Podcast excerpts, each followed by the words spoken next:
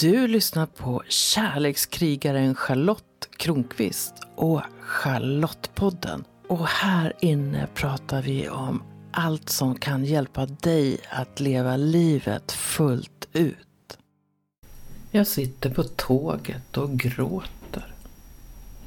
Jag har en konflikt med min tonårsdotter och det känns som att avståndet mellan oss är milsvid. I min förtvivlan känns det som att jag har mist henne. Och det tar fram en djup sorg i mig. Det är som att jag har väntat på den här förtvivlade gråten i hela mitt liv. Som att den äntligen får komma fram. Och det spelar egentligen inte så stor roll vad som triggade fram den. Jag sitter bredvid min man och jag märker på hans kroppsspråk att han är orolig över mitt gråtande. Och jag vill fortsätta gråta. Jag behöver det. Så jag reser mig upp och vandrar två vagnar bort i det glest befolkade tåget. Jag sätter mig ner långt ifrån andra och låter sorgen få välla fram. Tåget passerar Lund. Tåget passerar Hässleholm. Och nu har jag gråtit i en hel timme. Jag vill stanna kvar i gråten. Och jag vet att för att fortsätta gråta måste jag sitta kvar här, långt ifrån min man. För om jag går till honom kommer han att få mig att sluta gråta. Han kommer att göra vad han kan för att jag ska se glad eller åtminstone neutral ut. Och han kommer att göra det för att han inte står ut med att se min sorg. Förmodligen för att den väcker något i honom. Jag vet att hans tröst egentligen inte handlar om mig utan om honom själv. Och jag behöver få gråta färdigt. Precis som jag sa till mina barn när de var små. När vi närmar oss Nässjö så går jag ändå tillbaka till min reserverade plats. Jag stänger av gråten och tänker att det ändå finns likheter mellan det som händer mig nu och det som har hänt så många gånger tidigare i mitt liv. Att gråt inte är okej. Okay. Att ledsenhet och sorg inte är okej. Okay. Att det är känslor som ska döljas. Mest för att andra inte står ut med dem. Och om en liten stund så kommer jag att läsa ett kapitel som handlar om min rädsla för att visa känslor, för att visa tårar. Ur min bok 100% Charlotte ta ditt inre ledarskap. Jag är medveten om att det finns personer som använder gråt som maktmedel. Det finns de som gråter och framställer sig som offer eller som martyrer. Så har det inte varit för mig. Tårarna har varit långt borta. Kanske en klädsam liten tår framför en tårdrypande film men tårar som framkallas av någon i min omgivning.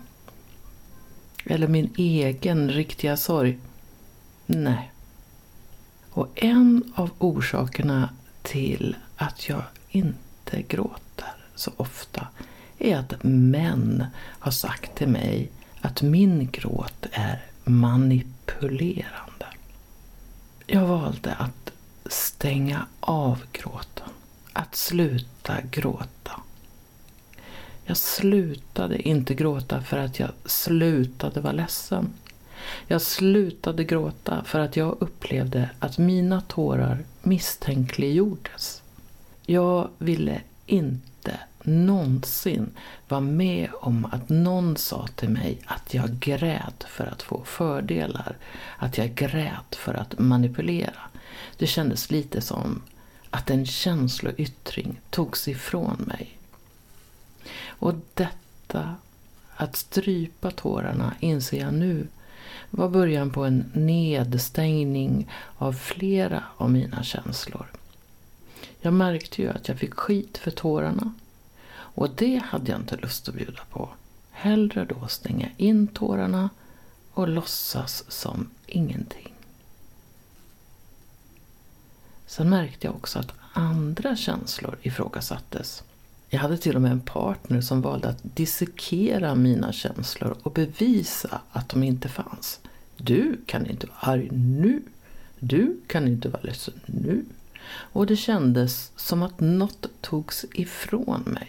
Och till slut saknade jag nästan förmågan att känna överhuvudtaget. Det blev till och med svårt att visa och känna glädje.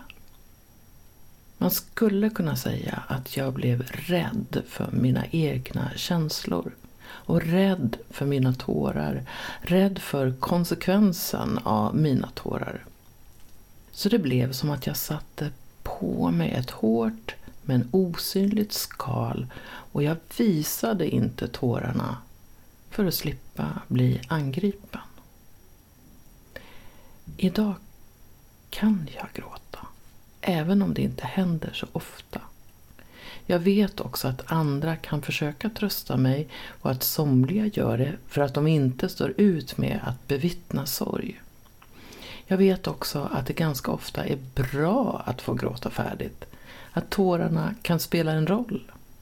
Det är så märkligt. För jag lärde mig i mitten av 1990-talet att acceptera mina barns känslor. Jag hade läst Daniel Goldmans eminenta bok Känslans intelligens och insåg hur viktigt det var att acceptera barnens känslor men kunna ha synpunkter på deras beteende. Det är okej okay att vara arg men inte att kalla mig jävla morsan. Och ändå skulle det dröja så många år innan jag började förstå att mina tårar, mina känslor också har en rättmätig plats. Att jag inte behöver ta hänsyn till vad andra kan tänkas tycka eller känna inför mina tårar. Och det är en befrielse. Fundera gärna lite på hur du förhåller dig till tårar, till sorg. Vad som gör att du gråter, om du själv använt tårar för att vinna fördelar. Ju sannare du är mot dig själv, desto friare kan du bli att vara du, åtminstone på lite sikt. Och nu ska du få höra när jag läser kapitel 14 i min ljudbok 100% Charlotte, ta ditt inre ledarskap. Lyssna och reflektera. 14. Rädsla för känslor. Tårar. Jag har inga särskilda minnen av att se mina föräldrar gråta. I många år stängde jag in gråt och sorg i mitt bröst. Jag gråter. Mannen tittar på mig och säger det där gör du bara för att manipulera mig. Jag snyter mig, gnuggar saltet ur ögonen och slutar gråta. Sen gråter jag inte på tio år. Under många år tränades jag på följande. Känslor är inte okej. Okay. Mina känslor är inte okej. Okay. Mina uttryck för mina känslor är absolut inte okej. Okay. Om jag visar mina känslor försöker jag manipulera. Min gråt är manipulation. Min ilska är opassande. Min kärlek får inte synas. Jag undrar vad som gjorde att jag tillät detta att ske. Episod på de anklagades bänk. Jag sitter i en soffa, jag är förtvivlad och släpper taget. Tårarna kommer. Jag hoppas att jag ska bli sedd, kanske till och med tröstad. Det jag möts av är irritation och fördömanden. Kvinnor som gråter gör det bara för att få sin vilja igenom. Jag känner hur jag dör. Inte bara lite grann, utan väldigt mycket. Ännu finns det lite livsenergi kvar, men aldrig att jag ska gråta så någon ser det igen. Det är för sårbart. Jag vill aldrig mer bli hånad eller skuldbelagd för att tårarna kommer. Jag knyter näven i fickan, jag knyter ihop mitt hjärta, jag slutar gråta. Jag stängde av mitt känsloliv lite i taget. Varje gång jag fick höra att en känsla eller ett känslouttryck inte var tillåten eller accepterad tryckte jag ner den. Jag kämpade för att vara oantastlig men fick samtidigt allt mer ont i magen. Varje nedtryckt känsla satte sina spår i kroppen och jag började må riktigt dåligt. Men det dröjde länge innan jag insåg det. Jag fortsatte att spela duktig, att försöka vara perfekt. För jag ville slippa få anklagelser om manipulation. Sådana anklagelser gjorde ont och därför var det bättre att tiga och lida. Din läxa. Vilka känslor har du svårast att visa? Jag funderar gärna lite till på det.